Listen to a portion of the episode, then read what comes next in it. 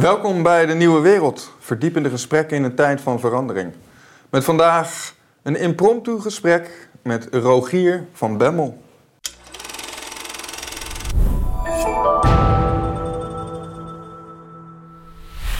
Meneer van Bemmel, Meneer Koista.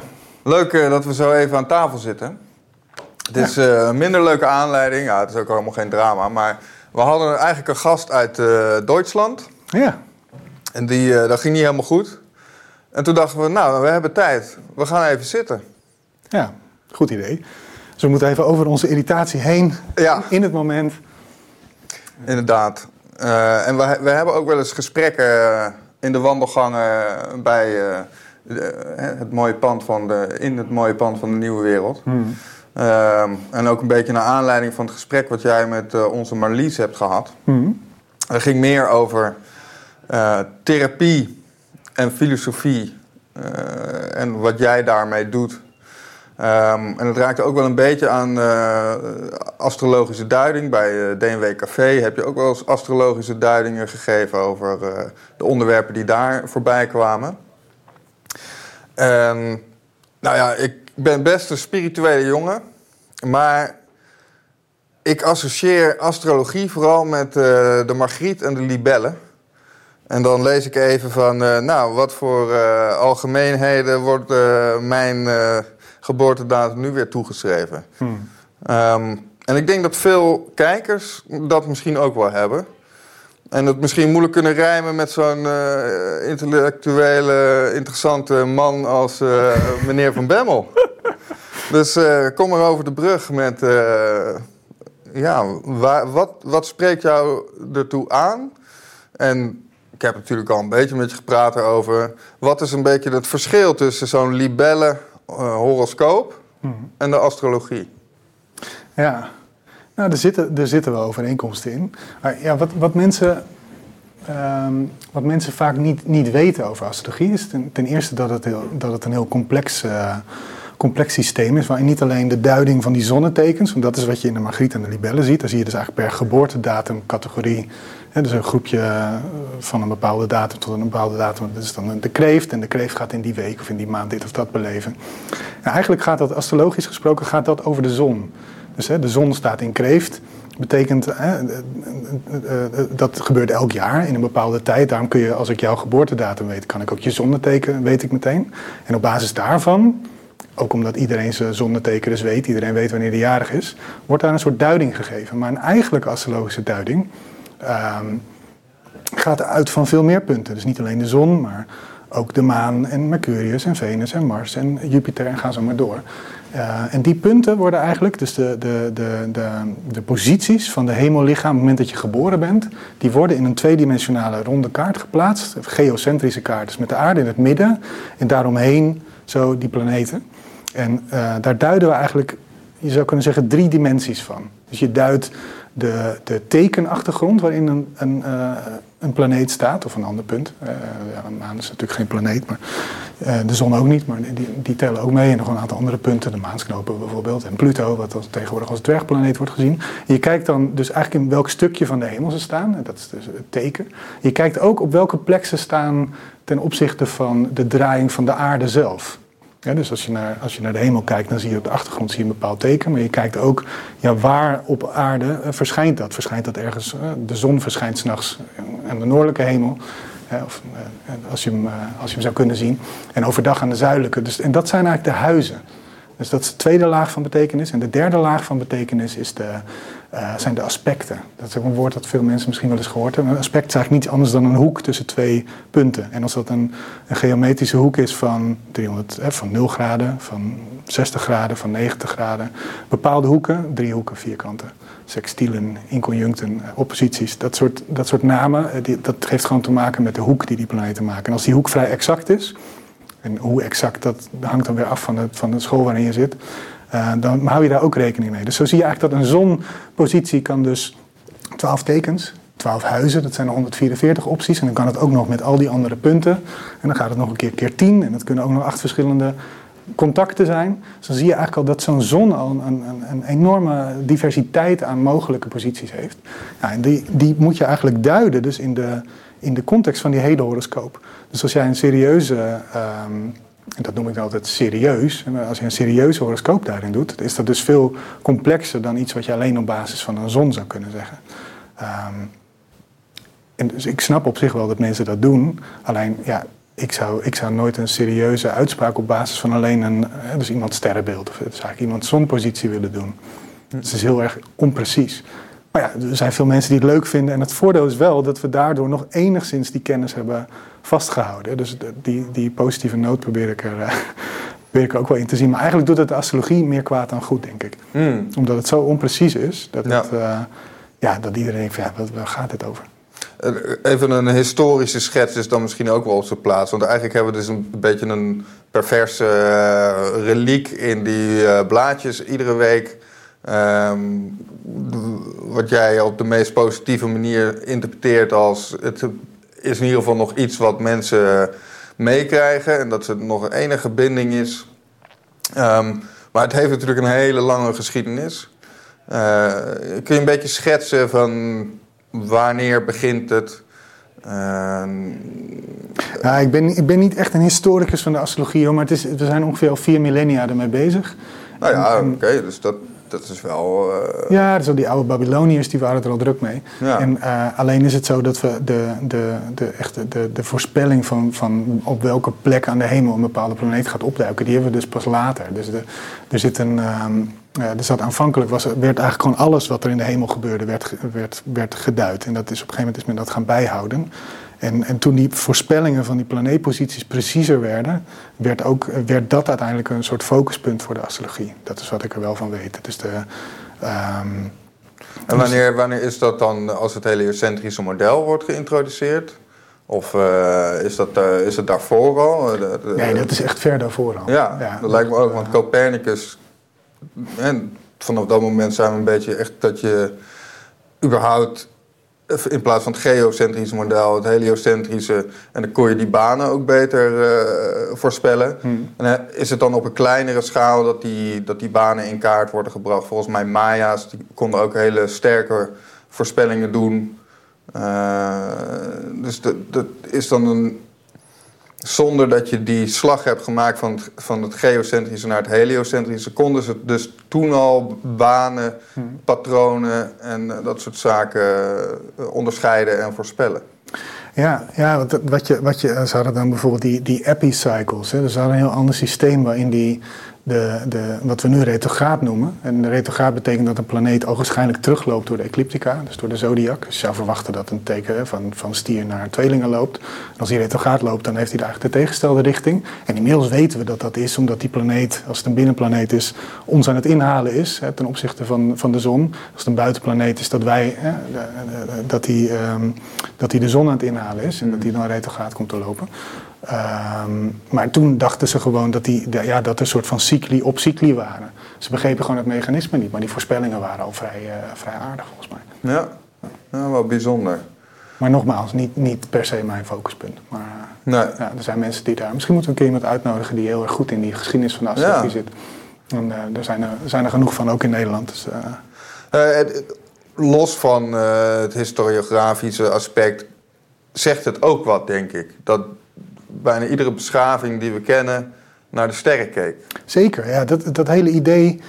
Als je, uh, ik weet niet of je wel eens uh, uh, bezig kamperen of dat je een keer door de bergen een langere meerdaagse wandeling Op de Wadden kun je nog echt sterren zien. Of de Wadden, ja. Maar als je dan, als je dan gewoon s'nachts ligt te slapen en je, je, je kijkt naar zo, zo is die sterrenhemel in ja, dat is natuurlijk de natuurlijke toestand geweest voor, hè, voor een, hele lange tijd in de, in de, menselijke geschiedenis. Is dat de manier geweest waarop we de natuur ervoeren. En dus alleen al het idee of het volle maan is, waar je gewoon schaduwen ziet van bomen, hè, of, of een nieuwe maan, waar je gewoon geen hand voor ogen ziet, is gewoon gevaarlijk. Uh, maar daardoor was onze innerlijke afgestemdheid op, op de kosmos in zijn geheel. Ik las laatst een interessant onderzoek, volgens mij heb ik hier dat ook wel eens aangehaald. dat als mensen uh, als mensen zichzelf, uh, als mensen in de natuur zijn geweest en ze moeten zichzelf tekenen op een blaadje, dan tekenen ze zichzelf al kleiner. En dus ze, ze, maken hun ik, hun, hun, hun, persoonlijke beleving van de wereld al minder groot. En ik denk dat in, die, in een heel, heel lang deel van de menselijke geschiedenis zijn, hebben we ons gewoon als deel van die kosmos ervaren. Mm. En wat er dan automatisch gebeurt, uh, is dat je, dat je toch de correlatie van binnen en buiten, dus die hermetische wet van de correspondentie, uh, dat, je die gaat, uh, ja, dat, dat die in de mens opkomt. En dat is denk ik niet, niet helemaal toevallig. Het is ook een heel natuurlijke toestand om je af te stemmen op ja, hoe de wereld om je heen voelt, of hoe jij je in die wereld voelt. En om die twee dingen aan elkaar te koppelen. Ja, dat is mooi. Dus je, je hebt aan de ene kant dat fysieke aspect van puur, ik zie sterren. Uh, ze zijn veel prominenter aanwezig dan we nu met alle lichtvervuiling en uh, elektrische licht en uh, dat soort zaken. Is het inderdaad, dat is een fysiek aspect. Van je, je loopt gewoon tegen een boom aan als je geen, geen volle maan hebt. Hm. Um, je hebt ook het fysieke aspect van dat je dan weet van oké, ik sta in een enorm universum en ik ben misschien wel heel, een heel klein onderdeeltje daarvan. Um, maar is het ook een, een, aspect dat iedere samenleving een bepaalde drang heeft om dingen te verklaren? En dat we nu uh, sinds de verlichting ook misschien dat het daarom alleen nog maar in de libellen uh, voor de gemiddelde Nederlander een ding is. Um, en omdat we nu denken alles te kunnen verklaren. En dat dat vroeger, zonder het achterlijk te noemen, maar dat het dus op die manier een manier was zodat ze grip konden krijgen op, uh, op dingen. Of... Ja, het grappige van, van de terminologie die je gebruikt, die is al heel modern. Dus het idee om grip te krijgen op je realiteit, dat is al het moderne idee van ik modelleer mijn werkelijkheid en op basis van dat model ga ik ingrijpen. Hmm. Dus de, de, de, waarde van de, van de, de voorspellende waarde van zo'n model uh, maakt al dat ik die wereld kan gaan veranderen. En dat ik het causale processen begrijp. En het interessante van die astrologische manier van kijken, ook vandaag de dag nog, is dat je een andere dimensie van onze, um, van onze werkelijkheid probeert te, um, uh, ja, toegankelijk te maken. Ik zou bijna zeggen begrijpen, maar daar zit ook alweer dat woord, dat woord greep in. Dus het is meer, uh, je stemt je af op iets. Dus, en en dat, is, dat is dan vaak een cyclisch proces. Dus bijna alle, uh, alle premoderne beschavingen hebben ook een bepaalde, een bepaalde fascinatie voor de cycliciteit van dingen. En dat is ook heel logisch. Als je de natuur in kijkt, is het eerste wat je opvalt is... Nou, ik moet vandaag mijn jasje aan. Het is, uh, het is, nog, het is nog koud. Het is nog niet echt zomer. Maar de, de, bomen staan in bloei. Het is, uh, het is midden in de lente. Dat is het eerste wat je opvalt eigenlijk aan je, ja, aan je beleving van de werkelijkheid. Dus in welk seizoen je zit. En, en, sinds de moderne tijd hebben we dat idee. Hè. Ja, die Duitsers hebben op een gegeven moment die klok uitgevonden. En die klok die maalt die tijd in, in keurige stukjes. Uh, maar dat is, dat is echt een heel, uh, historisch gezien, heel beperkte manier om, om te, te begrijpen wat er aan de hand is. En die astrologie grijpt dus terug op die oudere manier van denken, die meer van correspondentie uitgaat en die dus ook meer, uh, ja, meer oog nog heeft of feeling heeft met, met, een, met, een, met ja, ook met de natuurlijke kant gewoon van de, van de kosmos, zou je kunnen zeggen. Dus waar die astrologie sowieso hè, mee bezig is, zijn cycli. Eigenlijk alles in de astrologie is cyclisch. Hè? Dus die zon die elk jaar door de, door de zodiac trekt. Maar je hebt ook veel grotere cycli. En het interessante, een van de meest interessante elementen van de astrologie, waar wij het ook wel eens over gehad hebben, misschien is dat voor nu ook leuk, mhm. ehm, is dat er, dat er dus ook cycli zijn. De, de, eigenlijk de, de laatste persoonlijke planeet, de planeet die nog als persoonlijke planeet wordt gezien, is Saturnus, die heeft een omlooptijd van 29,5 jaar. En daarna krijg je veel langere cycli, die je eigenlijk als mens, uh, Uranus is een beetje een grensgeval, die heeft een omlooptijd van 84 jaar. Mhm. En daarna krijg je Neptunus, 165, en Pluto, 100. 48 ongeveer. Um, uh, 148 jaar. Dus daar krijg je eigenlijk cycli die het, het, de duur van het menselijk leven al overstijgen. En dus die, uh, wij hebben natuurlijk als avondlandse mensen de neiging om altijd keurig de geschiedenis in, in, drie, uh, in drie slagen op te delen. Hè? Klassieke tijd, middeleeuwen, moderne tijd. maar die, die, in die astrologie zie je eigenlijk dat, het, dat dat altijd cycli zijn. Uh, en zo zie je bijvoorbeeld, en dat is wel interessant, we zijn op dit moment zitten we in een hele belangrijke overgang van die planeet Pluto, dus die buitenste planeet, die 248 jaar uh, zijn, zijn gang door de zodiac maakt. Dan zie je eigenlijk dat we nu op het punt aangekomen zijn waar we ook waren aan het begin van de Franse Revolutie, in die tijd, 1778. En het, het, begin eigenlijk van, het, van, het brede, van de brede verspreiding van de Reformatie, 1532. Dus het moment waar we nu in zitten, Pluto die een overgang maakt naar Waterman. Uh, en dat is 23 maart van dit jaar voor het eerst gebeurd. Dus 23 maart ging hij er even in. Hij is nu op weg weer terug, want die buitenste planeten, die, nou, Pluto is 44% van zijn tijd, loopt hij terug hè, vanuit, vanuit ons gezien. Hij loopt natuurlijk niet terug, hij gaat gewoon lekker Ehm, in zijn baan rond de zon gaat hij gewoon lekker door. Maar vanuit ons perspectief lijkt hij heel vaak terug te gaan. Dus je ziet dat zo'n overgang naar een nieuw teken, in dit geval de steenbok naar de waterman, dat dat in, in dit geval een, uh, een, een, een, een, spel in drie bedrijven is. En het eerste bedrijf hebben we dit jaar heel kort. Dan hebben we volgend jaar van januari tot september hebben we hem. En uh, dan gaat hij uh, nog heel even terug in Steenbok. En dan eind, uh, eind volgend jaar, november 2024, is de nieuwe tijd begonnen. Is de Aquarius-tijd aangebroken. En dat is een periode van ongeveer 20 jaar. Die dus enorme overeenkomsten vertoont met de periode die je had van 1878 tot 1898 en van 32 tot 53. 15, 1532, 1553. Um, dus, dat, dus als je met een astrologische blik naar, die, naar het, het, wereldgebeuren kijkt, dan zou je in dit geval dus eens gaan kijken van oké, wat, wat gebeurde er nou daar? Hè? En hoe zouden we dat symbolisch kunnen duiden? Uh, dat, dat zou ik nu. Zal ik doorpraten? ja, nee, dat lijkt mij heel interessant inderdaad. Het is ook leuk dat je uh, zei avondlanders. En dan die drie delen. een boek wat natuurlijk vaak ter sprake komt bij de Nieuwe Wereld is uh, van uh, Spengler over het avondland. En hmm. dat gaat ook uit van een cyclische um, begrip van de geschiedenis. Hmm. En van samenlevingen. Um, of hij, hij, hij, noemt het geen samenleving, maar beschaving. En iedere beschaving die kent ook zijn, zijn, zijn, zijn, een cyclisch aspect. Hmm. Um, Misschien kun je het ook een beetje, eh, als je het breed trekt, van wat is, uh, en in dit specifieke geval, uh, dat je doorgaat op het voorbeeld wat je net aanhaalde, van wat, wat betekent dat uh, voor een cultuur of voor een beschaving of mm. voor, als je dan kijkt van wat gebeurde er toen in de geschiedenis, en zien we parallellen of moet je überhaupt niet in parallellen denken? Ja, dus die, die indeling die, uh, die Spengler maakt uh, van die culturen, dat, dat, is een, uh, dat, is een, dat zijn nog veel langere cycli. Ja. Eh, en die, die, er zijn in de, in de astrologie ook wel langere cycli nog, van ongeveer 2200 jaar.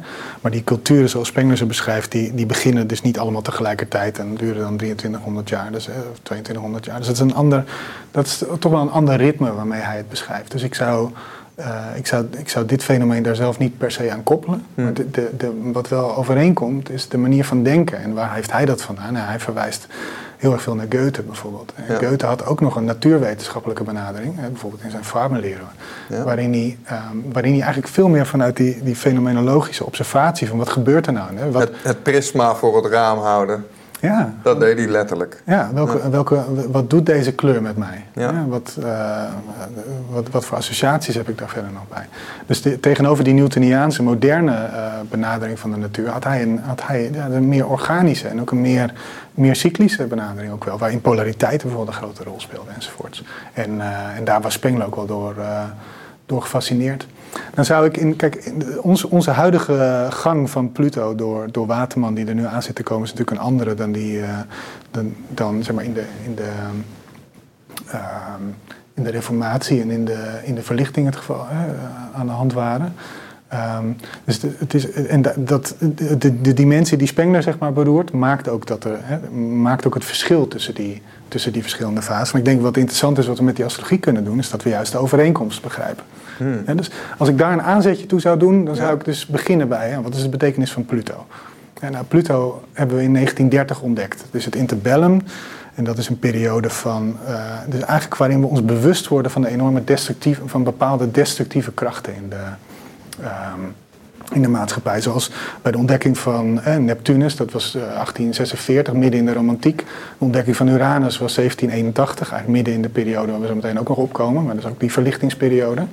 Uh, waar het individu meer centraal komt staan, waar Uranus ook een grote, grote rol in speelt. Qua de betekenis van Uranus erg mee correleert, zou ik moeten zeggen. Dus Pluto komen we in 1930 komen we die, komen we die tegen in ons collectieve bewustzijn. Gaan we die planeet opeens zien en, en, en serieus nemen. En daar zit dus die destructieve kracht in. En, en twee mensen die dat erg hebben, hebben um, ja, die daar veel over na hebben gedacht zijn Freud en Jung, zou ik zeggen. Die toen ook allebei nog leefden, ook allebei nog aan het schrijven waren. En die, die probeerden eigenlijk de onbewuste dimensie van, van, van de mens meer beschrijven. Hè? Dus het, uh, de kracht van het onbewuste meer te beschrijven.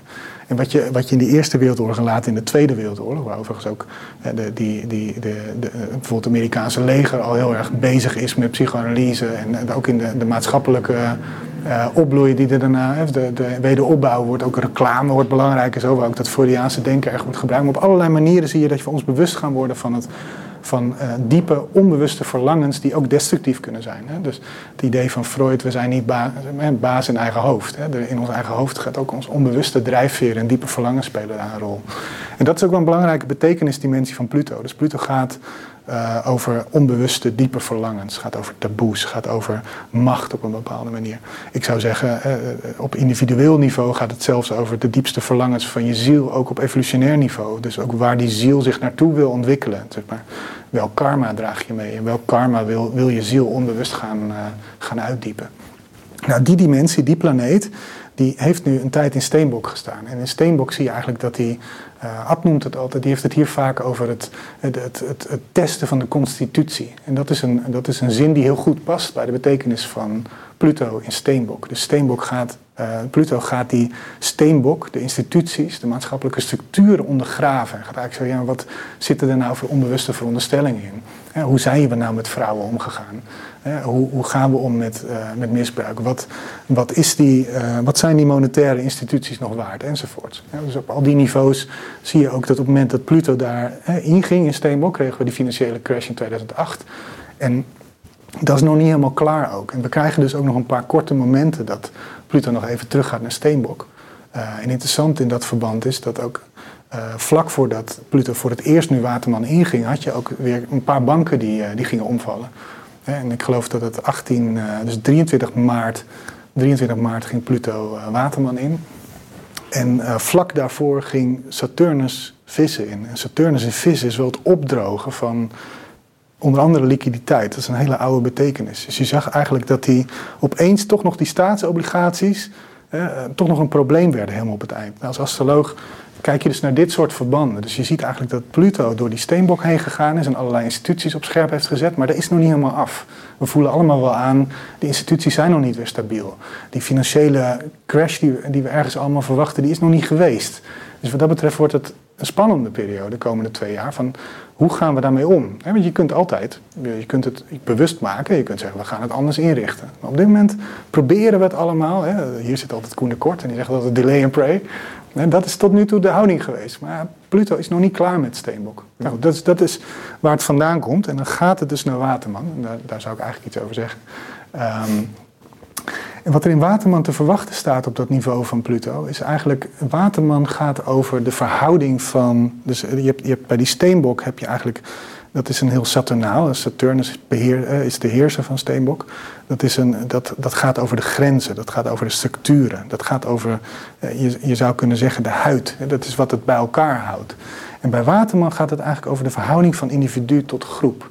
En het teken dat daar, of de planeet die daar dus bij hoort, is Uranus. Had ik het net al even over. Uranus gaat over innovatieve technieken. Dat gaat over, over, over het hogere denken. Dus het, on, het, het, het, objectieve denken versus het, het meer eh, gestructureerde denken of communiceren van, ehm, van Mercurius staat meer het, het, het, ja, het neuronale, zou ik bijna zeggen, van, van Uranus.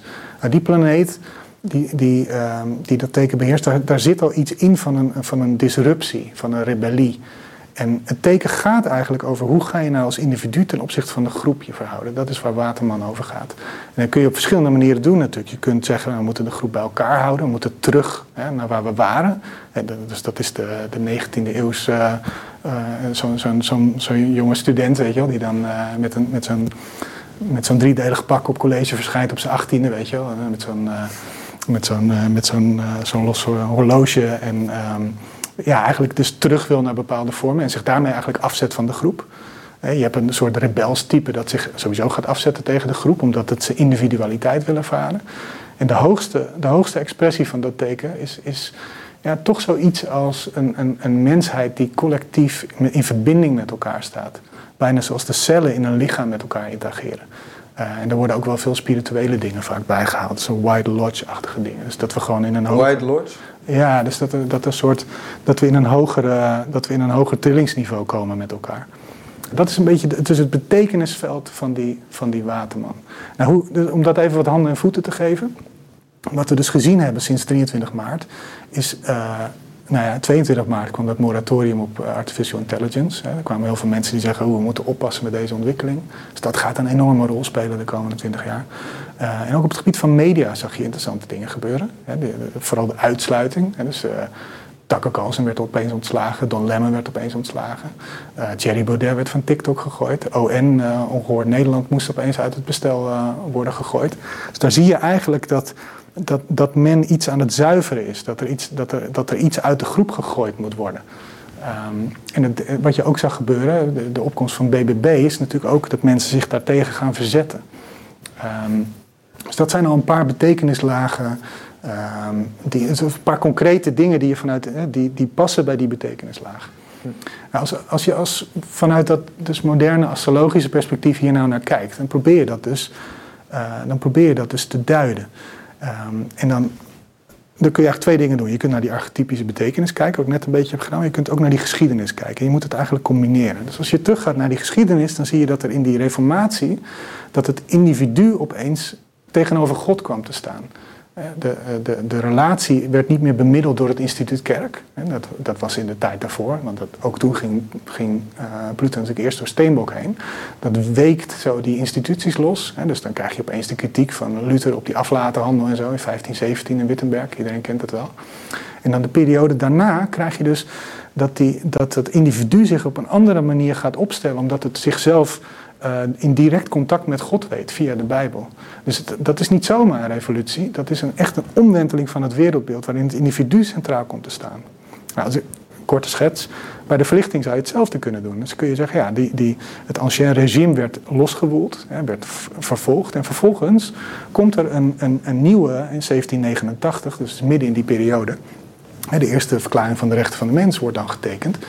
Um, dus dan zie je eigenlijk dat dat we gelijkheid, vrijheid en broederschap als principes centraal gaan stellen. En waarom wordt het mogelijk? Omdat die burger losgeweekt is uit die feodale verhoudingen. En die burger gaat proberen op een nieuwe manier, met meer aandacht voor individualiteit, net als in de, net als in de reformatie en dus ook in de verlichting, gaat hij proberen om een, ja, een orde, een samenleven hè, te, te, mogelijk te maken. Maar de spanning die daarin zit, hè, op symbolisch niveau, is dus altijd de spanning van individu en groep. En wat je eigenlijk in, in, in, in beide gevallen ziet gebeuren, en bij de verlichting ehm, hebben de meeste mensen dat ding nog wat helderder op een netvlies, hè, is dat, dat er naar aanleiding van die Franse revolutie een gigantische, gewoon een enorme moordpartij van fracties op gang komt. En waarom? Ja, Voltaire zei, eh, Rousseau zei het wel mooi, hè, de volonté générale, de, wil van het volk, die gaan we uit in vrijheid, gelijkheid en broederschap gaan we de wil van het volk, die gaan we, uh, die gaan we als politieke leidraad nemen. Ja, dat leidt dus vervolgens tot een, een, een strijd van fracties met elkaar. Dus die, want wat, wat is de juiste groep? Wat is het juiste begrip van wat een groep is? Wat is het juiste begrip van, uh, van een mens in de context van de groep? Ja, dat weet je nog niet zo 1, 2, 3. Ja, dus eigenlijk is dat experiment wat we daar zijn begonnen, dat is op een op behoorlijk ontaard ook, hè, tot op zekere hoogte. We hebben daar later de nazistaat natuurlijk voor teruggekregen, met alle wereldoorlogen, eigenlijk drie wereldoorlogen uitgevochten. En nu zitten we dus weer in zo'n tijd waarin we op een andere manier gaan kijken naar de verhouding van individu en groep. En dan heb je, uh, ja, dus dat is een hele spannende tijd, een hele mooie tijd. En je ziet eigenlijk al bepaalde contouren zie je al aftekenen, maar je kunt astrologisch nooit, je voorspelt vragen, geen antwoorden. Dus ik ga niet, je kan niet voorspellen wat er gaat gebeuren, maar je kunt wel dus uh, motieven zien en je kunt, je kunt zien welke vraag er opkomt. En de vraag die nu denk ik opkomt is, in het aangezicht van die moderne technologie wordt het dus mogelijk, en dat hebben we tijdens COVID al een beetje gezien, maar het wordt mogelijk om vanuit een soort hoop op een, op een betere toekomst, door middel van technologie, uh, netwerken te gaan creëren waarin alle mensen met elkaar kunnen communiceren. Waarin je over de hele wereld um, ja, object, met objectief denken uh, vormgegeven structuren kunt gaan bouwen waarin men ja, een, een beter, gezonder, veiliger leven kan gaan leiden. Ja, de, de, keerzijde daarvan is dat daar ook een enorme uh, onderdrukking juist ergens van het individu in kan komen te zitten. Uh, dus wat je, wat je ziet gebeuren is dus de angst voor AI. Nou, dat, dat lijkt me terecht, want dat gaat in de komende. Uh, ja, kijk, we kunnen het hier wel uh, proberen te, met dat moratorium te proberen te controleren, maar dat gaat natuurlijk in China of in India of ergens. Dit, dit gaat komen en daar moeten we ons als mensheid toe gaan verhouden. Dus dat is één ding. Hè. Crypto en al die, die, dat is ook zo'n technologie die op een bepaalde manier disruptief is.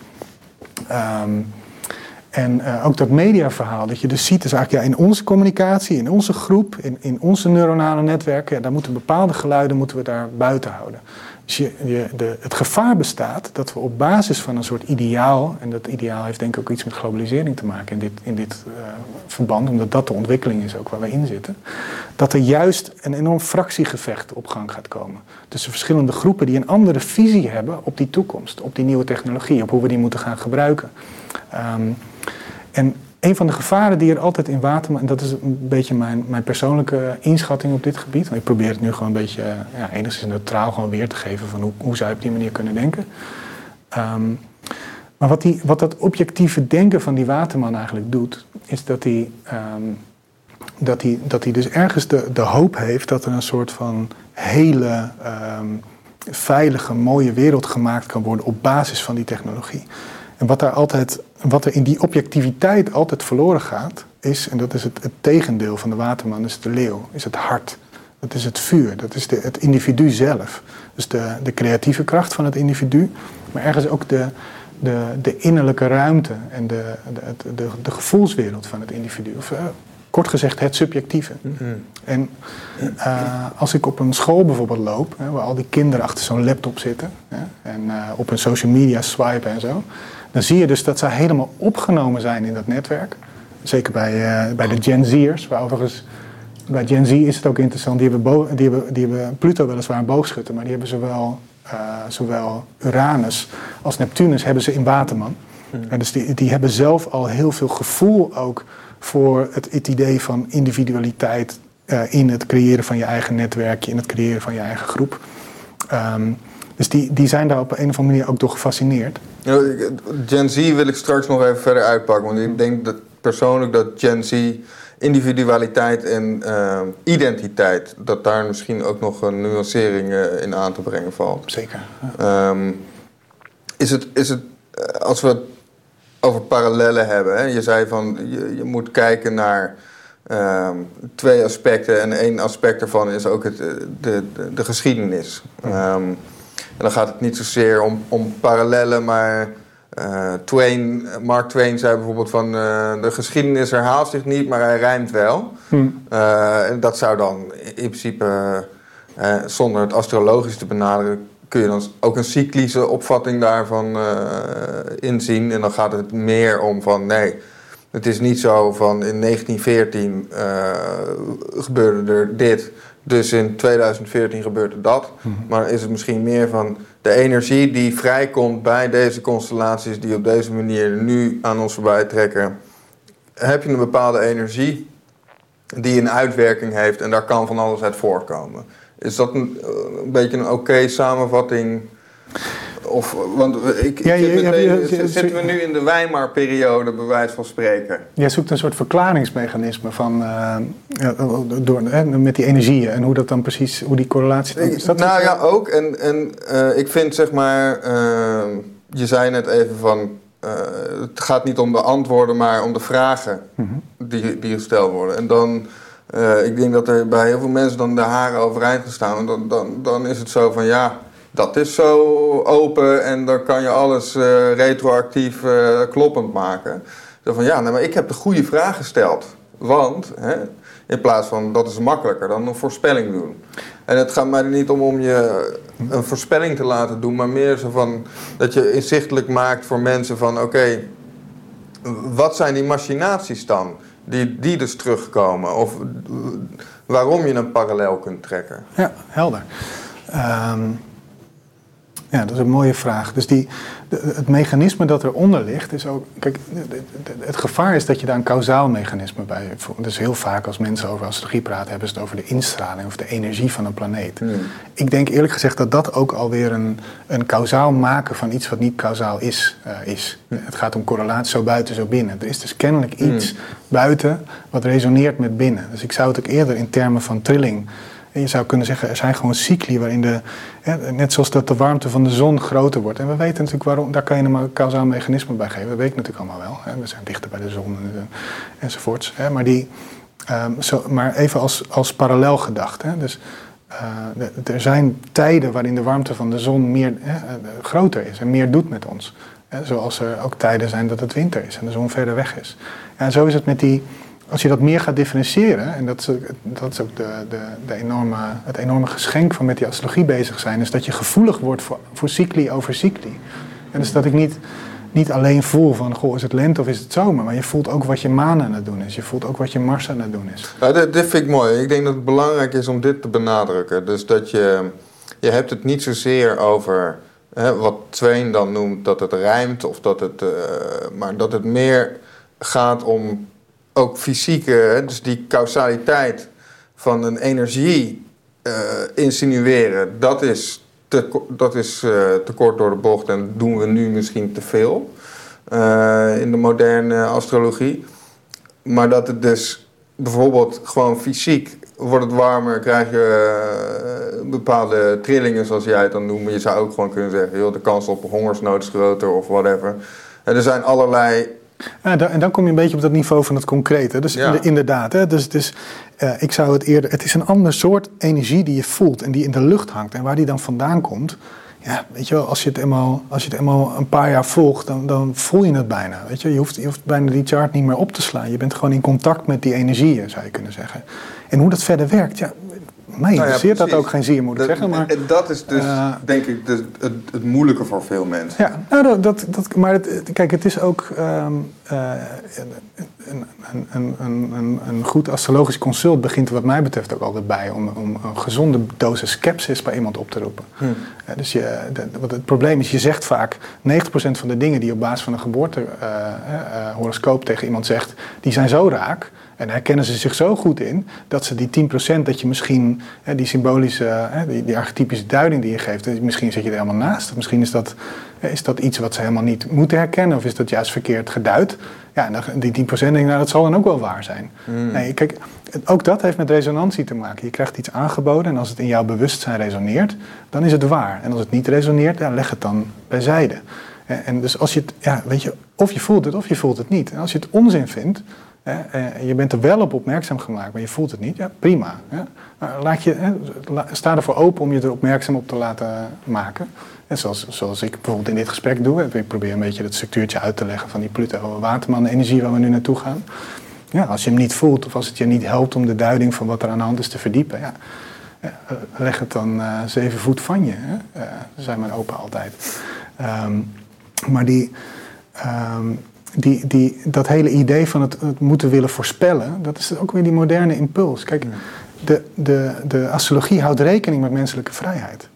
dus als ik iets zeg over Gen Z doet dit of dit, ja, die Gen Z, we weten niet hoe Gen Z zich gaat ontwikkelen. Ja. Maar wat, wat je wel kan zeggen is dat er een bepaalde aanleg is en dat je die eh, op, een, op een, een, symbolische manier, dat we die al sinds duizenden jaren een soort van aanvoelen.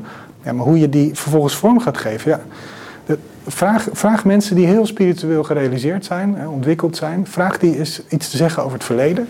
Over vorige incarnaties, over past life regression, over eh, wat ze eerder hebben gevoeld. En vraag ze eens iets over de toekomst te zeggen.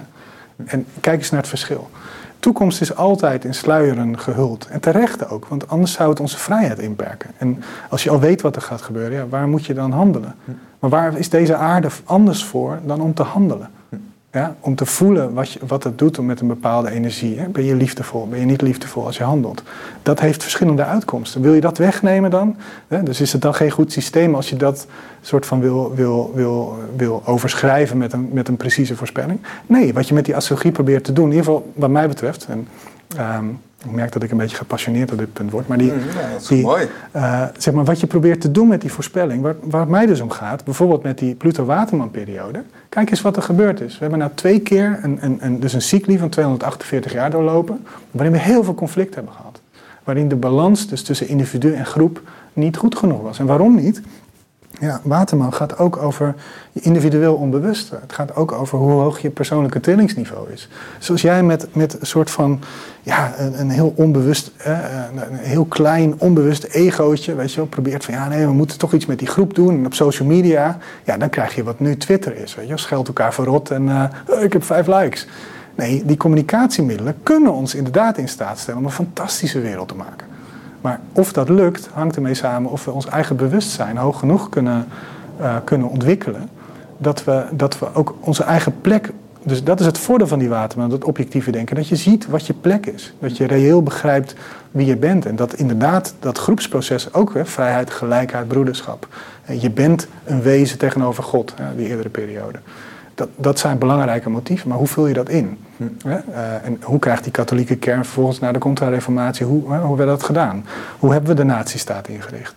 Ja, is, hoeveel is er nog van die goede impuls over? Of was misschien die impuls sowieso al te ambitieus? Ja, moeten alle mensen per se vrij, gelijk en in een broederschap zijn? Wat is broederschap? Welk, welk broederschap kunnen we aan met elkaar? En als we, dat, als we dat verkeerd doen, dan krijg je dus dat die technologie een gigantische mogelijkheden krijgt. Die komende, die komende 20 jaar. Dat, dat, op het moment dat AI AI gaat ontwikkelen, hmm. hè, dan, dan ga je een soort van exponentiële groei van de mogelijkheden van de technologie krijgen. Die hmm. kunnen we ons helemaal niet voorstellen. Maar wordt dat een technologie die uh, een, een soort perfecte wereld moet scheppen waarin iedereen zich fijn kan voelen en zijn behoeften kan voorzien? Ja? Of gaan we kijken welk deel van die technologie onze zielsontwikkeling helpt en welk niet? En dus houden wij ons subjectief, hè, dus vanuit ons hart, houden wij in het oog van oké, welk deel van de technologie gaan we nou omarmen? En hebben we wat aan en staan we met z'n allen achter en welk deel niet? En, wat je nu, en dat zie je nu dus al gebeuren met zo'n met zo'n met zo'n COVID. Uh, met zo'n COVID-pas, of hoe heet dat ding? Ik heb het nog nooit gedownload. Maar dat, je, dat je dus allemaal een appje hebt op je. En dat de overheid dan kan zeggen van nou, die mogen wel naar binnen en die niet. Mm. Weet je wel? Ja, is dat dan is dat hoe we het willen doen? Of willen we het misschien op een andere manier doen? En maar die, die dictatoriale uh, mogelijkheden, ja, die, die, die zitten ook in die techniek. En als je dat op die manier doet, ja, wat is dan de tegenreactie? Ja, ja, wat, is nou, wat hebben we gezien? BBB-verkiezing was ook al in die tijd. Ja. ja dus de, de, dat is toch een hele groep die zegt, nou op die manier willen we het niet. Uh, ja, ik denk dat uh, dat heel interessant is om, uh, en ik denk dat het voor een leken nog best moeilijk te volgen is, omdat je af en toe grijp je naar dingen die dan voor een astroloog evident zijn, maar die voor mensen waarschijnlijk dat ze denken van, uh, wacht, hè, zitten we nu alweer in de, in de, uh, in de Franse Revolutie? En uh, je had ik wil het ook met je over Gen Z hebben. En ik had meteen een associatie ook over. Misschien dat we impliciet allemaal een beetje astrologisch ingesteld zijn. Het feit dat we het over Gen Z hebben, mhm. het feit dat we het over boomers hebben, mhm. dat betekent dat wij een lucrake markering van wanneer ben je geboren en dan een generatie duurt ongeveer zoveel uh, jaar. Uh, daar hebben we een, eh, een, een, schemaatje voor bedacht. Mhm. En uh, we kunnen, we, we, je, je, behoort tot een, een quasi-entiteit, namelijk ik ben een millennial, mijn vader is een boomer. Uh, en mijn kind is een, uh, ja, wat, wat wordt dat? Na Gen Z? Gen Alpha. Gen Alpha. Dus, uh, en daar, daar schrijven wij ook gewoon de meest atheïstische, antispirituele figuren praten daarover alsof het entiteiten zijn die eigenschappen kan toebedelen. Omdat wij mensen nodig hebben dat we jargon hebben, dat we woorden hebben, dat we parallellen zien, dat we dingen kunnen vergelijken. Nou, de grap, maar de grap is dus dat, die, dat die, die, die, indeling die jij dus uh, maakt, overigens ben je astrologisch gezien, ben jij dus net, uh, je, inderdaad wordt meestal, uh, dus die, die sociologen nemen meestal de millennials tot 85. Um, of zeg je nou goed? zeg maar vanaf, sorry, vanaf oh, dus ik ben net geen millennial. Dus, dus vanaf 85. Maar, Dan ben ik eh, X. maar astrologisch gesproken ben jij nog net bij de, bij de Pluto uh, in weegschaalgeneratie. Hm. dus wij zijn ook geen generatiegenoten in die zin. Maar het grappige is dus, want dit is dus een heel klein verschilletje. Maar het grappige is dus inderdaad babyboomers, de generatie Nix, generatie X... millennials, Gen Z, dat die dus echt op een paar jaar nauwkeurig gewoon precies correleren met de Pluto, met, de, met de gang van hm. Pluto. Dus de babyboomers zijn Pluto-leeuw, die generatie niks van Mark Rutte, dat is de, dat is de um, Pluto in Maagd, Pluto in Weegschaal, is dus een beetje jouw generatie. Die, um, de patatgeneratie zou je kunnen zeggen. En uh, de millennials, waar ik dan toe behoor, dat is, de, dat is Pluto in Scorpio. En die, die Gen Z, dat is... Uh, en dat, dat loopt. Ik bedoel, die indelingen zijn ook nooit... Hè, die sociologen die zijn het ook niet helemaal met elkaar eens. Maar dat danst echt om die jaartallen van de gang van Pluto door die hmm. verschillende tekens. Um, wat overigens interessant is, omdat uh, we zitten nu in een periode waarin Pluto hele korte, uh, heel snel beweegt. Dus vrij snel door de tekens heen gaat. Maar er zijn ook periodes waar door de excentrische baan van, van Pluto, dat die Pluto-tekens veel langer duren. Dus dat zou een interessante test zijn. Ja. Of die, dan, of die generaties dan ook weer langer worden. astrologen dat ook. Dat ze zeg maar een theorie hebben en dat ze dan terug gaan kijken van klopt het eigenlijk wel als ik naar de geschiedenis kijk. Ja, nee, maar kijk, de, de, de, de, de beschrijving van sociologen en antropologen zeg maar, van wat die boomers zijn en wat hun karakterisering is. Ja, als jij een, een handboek over Pluto, uh, nee, dat is er nog niet zo heel oud, maar uit, uit 1930 opslaat, ja, dan kom je gewoon op hetzelfde uit. Dus dan, dan kun je die, bijvoorbeeld voor die Gen Z, laat ik het voor die Gen Z, hebben we nog tijd? Ja, we hebben nog uh, drie minuten. nou, nee, maar die, die dus oké, ja, drie minuten is wel kort. Nou, wat, ik, wat ik leuk vind om dus te doen, is dat je, je ziet dus die correlatie heel duidelijk. En daar zou ik, dat kan ik in alle rust nog eens een keer vertellen van oké, wat is die generatie. Maar het, het, het, leuke van die astrologische symboliek is dus ook dat je niet alleen kan kijken, oké, dus die generatie doet een beetje zus. En dan hebben we een paar, weet ik veel, ja, social media kwam op, dus logisch dat ze meer zus en zo zijn. Maar als je vanuit die symboliek kijkt, kun je daar soms ook net een laag dieper naar meer de motivaties of meer de, ehm, ja, zeg maar de onbewuste verlangens van zo'n generatie gaan kijken. En, ehm, en dan wordt het wel grappig bij die Gen Z'ers. Want die Gen Z'ers die zijn dus, uh, die zijn dus astrologisch gesproken, hebben die Pluto in, uh, in boogschutter. En dus heel veel van die waterman-energie waar ik het net over had. En dus uh, in die tijd is echt dus al het opkomen van die, van die individuele technologieën. Ja, dus de, ik veel, de Walkman en de, de MP3-speler. En dat, dat iedereen zijn eigen muziek kan maken. Weet je, al die, al die, al die, al die toestanden, zeg maar, daar, daar, daar zitten zij middenin. Um, en natuurlijk het belangrijkste van die, van die zaak is gewoon het internet en de, de manier waarop die, die samenleving op gang komt. Maar de, de, de, ik zit een beetje met die korte tijd in mijn hoofd. Maar de, mm.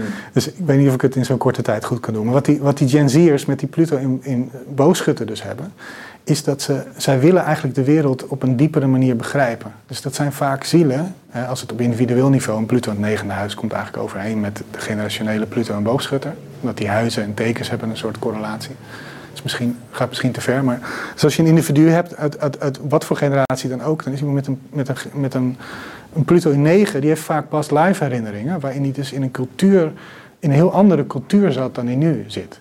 Dus die mensen die hebben op een bepaalde manier een soort vervreemding van de culturele gebruikelijkheden, of de gewoonheden van de, de de wereld waar ze, die hen omringt.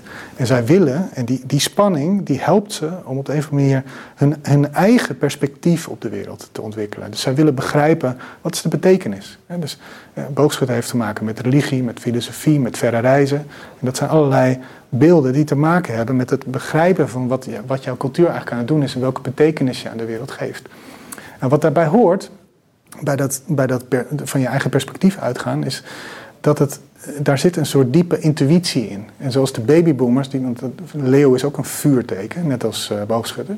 Het vuur van de babyboomers was erg gericht op een eigen creatieve expressie. Dus zij voelden dat ze iets bijzonders in zich hadden en dat ze de vrijheid nodig hadden om dat te uiten. En wat hebben die Gen Z'ers? Die hebben ook zo'n vurig, hè? die hebben ook zo'n vurig gevoel, maar waarover? Ja, over hun visie. over hoe zij de wereld begrijpen. En dan hebben ze ook nog dus al die waterman-dynamiek van ja, weet je, dan zoek gewoon mijn eigen groepje.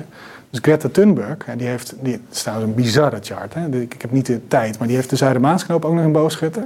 Die heeft dus uh, Neptunus en Uranus heeft in, uh, in Waterman. Ze heeft dus Pluto in, in, in boogschutter. En al haar vrouwelijke planeten die staan heel zwak. En al haar mannelijke, dus Uranus en Mars, die staan supersterk. Die staan allemaal domiciel. Dus zij heeft echt zoiets van, ja, maar ik zie het gewoon zo. En dan ga ik gewoon voor dat parlement zitten. En ja, die mensen om me heen, die snappen dat allemaal niet. Maar ik snap het wel. En weet je wat? Er zijn allerlei generatiegenoten die het ook snappen. Dus we gaan via internet, soort van clubs. Oh, jullie gaan ook, uh, wat was het? Uh, we gaan dan staken voor het klimaat of zo. Hè? Dat is, en dan was het, uh, wat was het? Schoolstaking. Ja, ja. Friday for, was iets zo, Friday for, for the climate of zo. Dan gingen ze elke vrijdag. En dat werd gewoon een globale beweging. Dus heel Uranisch, heel erg watermanachtig. Er werd echt zo'n community van mensen die gewoon hun eigen visie gingen uiten. Ja. Ik, ik, laatst was er iemand, was dat nou met jou? Of met Talita. In ieder geval, die uh, vergeleek haar ook met uh, Jeanne d'Arc. Dat was niet met mij, maar het klinkt heel interessant. Ja, misschien moet je daar een keer naar kijken, naar die geboortechart van, uh, van Jeanne d'Arc. Hmm. Um, ja, ja. Nou, het, het, lijkt me heel leuk om dit een keer verder uit te pakken, mensen. Um, willen jullie weten wat Gen Z, uh, individualisme, identiteit, daar hebben we het dus uiteindelijk helemaal niet over gehad, maar lijkt mij een, hele interessante, een heel interessant zijpad. Maar wat is het verschil tussen identiteit en individualiteit? Ja, hun, hun, identiteit, misschien om dat, om dat toch nog een beetje uit te pakken, heel kort. Die identiteit zit dus zoals het bij die babyboomers zat in een zelfexpressie. Met, met alle kleurige brilmonturen die erbij horen, zeg maar. En alle slechte rode kunstwerk broeken. op een sol en rode, rode paarse broeken. Is dat bij die Gen Z'ers, is dat dus hun visie. Hmm. En het probleem van een vurig iets is dat je het moeilijk onder woorden kan brengen. Hmm. Dus wat zij, het probleem dat zij hebben, zij voelen heel diep dit is hoe het zit. En hun intuïtie is waarschijnlijk ook heel goed. Dit is een hmm. generatie die begiftigd is met een gevoel voor waar de toekomst heen gaat. Hmm. Alleen op het moment dat ze dat onder woorden gaan brengen, ja, hoe, hoe breng je een intuïtie? Hoe breng je een beeld hmm. onder woorden? Hmm. En dat lukt niet. En het probleem dat die Gen Z'ers wat mij betreft hebben, is dat ze... Kijk, normaal gesproken wordt zo'n vurig iets wordt afgedempt doordat je gedwongen wordt tot een confrontatie met mensen die een andere visie hebben. En daardoor word je namelijk gedwongen om het onder woorden te brengen en om afstemming te doen. En wat zij doen, in plaats daarvan, door al die uranische energie dus die Waterman, Uranus en Waterman, uh, Neptunus en Waterman. Daardoor gaan zij niet het gesprek aan, maar ze gaan gewoon een eigen community vormen. Los van de andere wereld. Dus dat is. En, en dat gebeurt dus allemaal. Dit is de periode van, wat is het, 96 tot 2008. 95 tot 2008. En daarvoor was er al een, een, een, een, een Uranus-Neptunus-conjunctie, waardoor het ook al, waardoor het gevoel ook in het Neptunale ook kwam. Dus je hebt eigenlijk een periode van 92 zeg maar, tot 2008, waarin dit heel erg belangrijk wordt. En je ziet dus eigenlijk dat we vlak voordat we die Waterman-tijd ingaan, met al die technologische mogelijkheden, er een generatie opgekomen is die eigenlijk het gesprek verleerd is. Hm. En dat zie je ook in collegezalen. Zo'n groep die zit gewoon op een laptop. En ja, die, als je zegt, wil je even stil zijn? Dan zeg je, ja, maar ik ben even bezig, weet je Ik zit gewoon in mijn eigen bubbel, ik zit in mijn eigen flow. Ja. En dat is wel een heel... Dus we, zij kunnen ons enerzijds, denk ik, leren om juist contact te maken met onze intuïtie. En die intuïtie is niet zomaar, ik zie het zo. Nee, die intuïtie is, ik heb een visie voor een betekenisvolle wereld. Hè, laten we dat niet vergeten. Dit is een generatie die heel idealistisch is. En ook in de positieve zin des woords. Alleen het gevaar is dus dat, die, dat we niet met elkaar op zoek gaan naar betekenis, maar dat we in fracties op zoek gaan naar betekenis en elkaar de hersens in gaan slaan. Ja. En daar, als, je, ja, als astroloog zie je, dit, zie je dit wel, zie je dit motief aankomen. En uh, ja, ik zou het wel leuk vinden als in het maatschappelijk debat zeg maar, dit, deze betekenislaag iets meer meegenomen wordt, ook in de afweging. Ja. Van, uh, dus dat is waarom ik er ook zo gepassioneerd over spreek. Ik denk, ja, dat is, je, je kunt wel iets zichtbaar maken. Ja, het, is, het is ook heel veilig, hè? Als je zegt van, uh, mijn identiteit is deze groep. En als je daar als je commentaar hebt, dan heb je commentaar op mijn groep. En dan hoef je zelf eigenlijk heel weinig te doen. Is het, eh, ja, het gaat over mijn groep en dat is hmm. allemaal erg. Want uh, je kan niet zomaar over, zo over mensen spreken. Ik ben onderdeel van die groep. Dus ik heb geen eigen verantwoordelijkheid. Hmm. Terwijl ze dus heel erg uh, ook een beroep doen op derden om de wereld te redden. En is het altijd nog maar de vraag. Ik vind het heel flauw hoor. Zo'n meisje die Hanna Prins of zo, of hoe ze ook heet. Um, die dan jarenlang op Instagram al haar uh, foto's. Die is letterlijk op elk continent, behalve de, de Polen geweest, volgens mij. Mhm. En die wordt er dan helemaal door afgefakkeld. En dan denk je van ja, dat vind ik ook weer flauw. Maar eh, dat lijkt me ook, dat lijkt me ook interessant om, uh, als we het nog een keer over individualiteit en. Ehm, eh, uh, identiteit gaan hebben. Hmm. In het, uh, en dan specifiek van Gen Z. Want ik denk echt dat het interessant kan zijn om dat nog een keer verder uit te pakken. De astrologische duiding van, van Gen Z. Jij hebt het er ook al een keer eerder over gehad, dus je bent er ook veel mee bezig, denk ik. nou ja, dat is de generatie die nu, die nu aanklopt. Hè? Ja. Dus die, uh, en die ook probeert om met die dynamieken. Want er zit natuurlijk ook. Kijk, elk, alles heeft een nadeel. En dat heb ik nu een beetje benadrukt. Ook omdat het, omdat het cultureel gesproken nu toch behoorlijk aan het ontsporen is. Uh, heb ik soms het gevoel. Maar er zitten natuurlijk ook... Kijk, zij hebben juist ook een gevoel voor dus medemenselijkheid. Voor gelijkheid. Voor hoe je een groep op een, op een geweldvrije manier vormgeeft. op een beteken, vanuit, een, vanuit de impuls een betekenisvol leven te leiden. Hm. Uh, en ja, dat ontspoort natuurlijk wel eens. En die ontsporingen zijn heel zichtbaar. Omdat, ik denk ook dat het echt een, zo'n complexe constellatie die die generatie uh, te verduren krijgt. Ja, aan de andere kant zitten dus precies ook...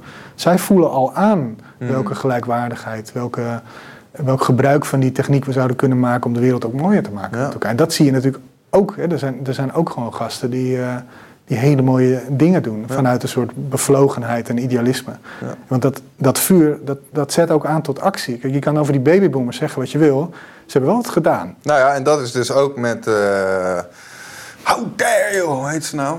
Greta Thunberg. Greta. Ja. Die, bedoel, je kan veel zeggen, maar over heel de wereld zaten ze te staken. Ja. Eén meisje. Um, ja, we, moeten, ja, we moeten echt afsluiten. Um, ik dank jullie allen hartelijk voor het kijken. Maar petje af niet vergeten. Um, jullie kunnen namelijk lid worden van ons patronaat. En uh, dat zouden wij heel fijn vinden. Dan kunnen we deze mooie programma's blijven maken. En dan zouden we bijvoorbeeld ook een keer weer verder kunnen praten met Rogier over astrologie. Laat vooral even weten wat jullie ervan denken. Uh, want daar zijn we ook heel benieuwd naar. Be gentle. Be gentle, dat wel. Het is een, het is een tere ziel. Onze, onze nou, nou, nou. nee hoor, helemaal niet. We kunnen het best hebben. Uh, dank. En ook dank Rogier. Leuk Dirk. Mooi. Dankjewel. Beste kijker, als je dit filmpje ziet, houd je kennelijk van de lange en verdiepende gesprekken van de nieuwe wereld. Wil je meer van onze video's zien? Klik dan op de afbeelding hier links. Of beter nog, abonneer je op ons kanaal. Je kunt ons natuurlijk ook steunen en daar zijn wij zeer op aangewezen. Klik dan op de afbeelding rechtsboven in beeld of ga naar de beschrijving hieronder voor meer informatie. Ik dank jullie bij voorbaat van harte.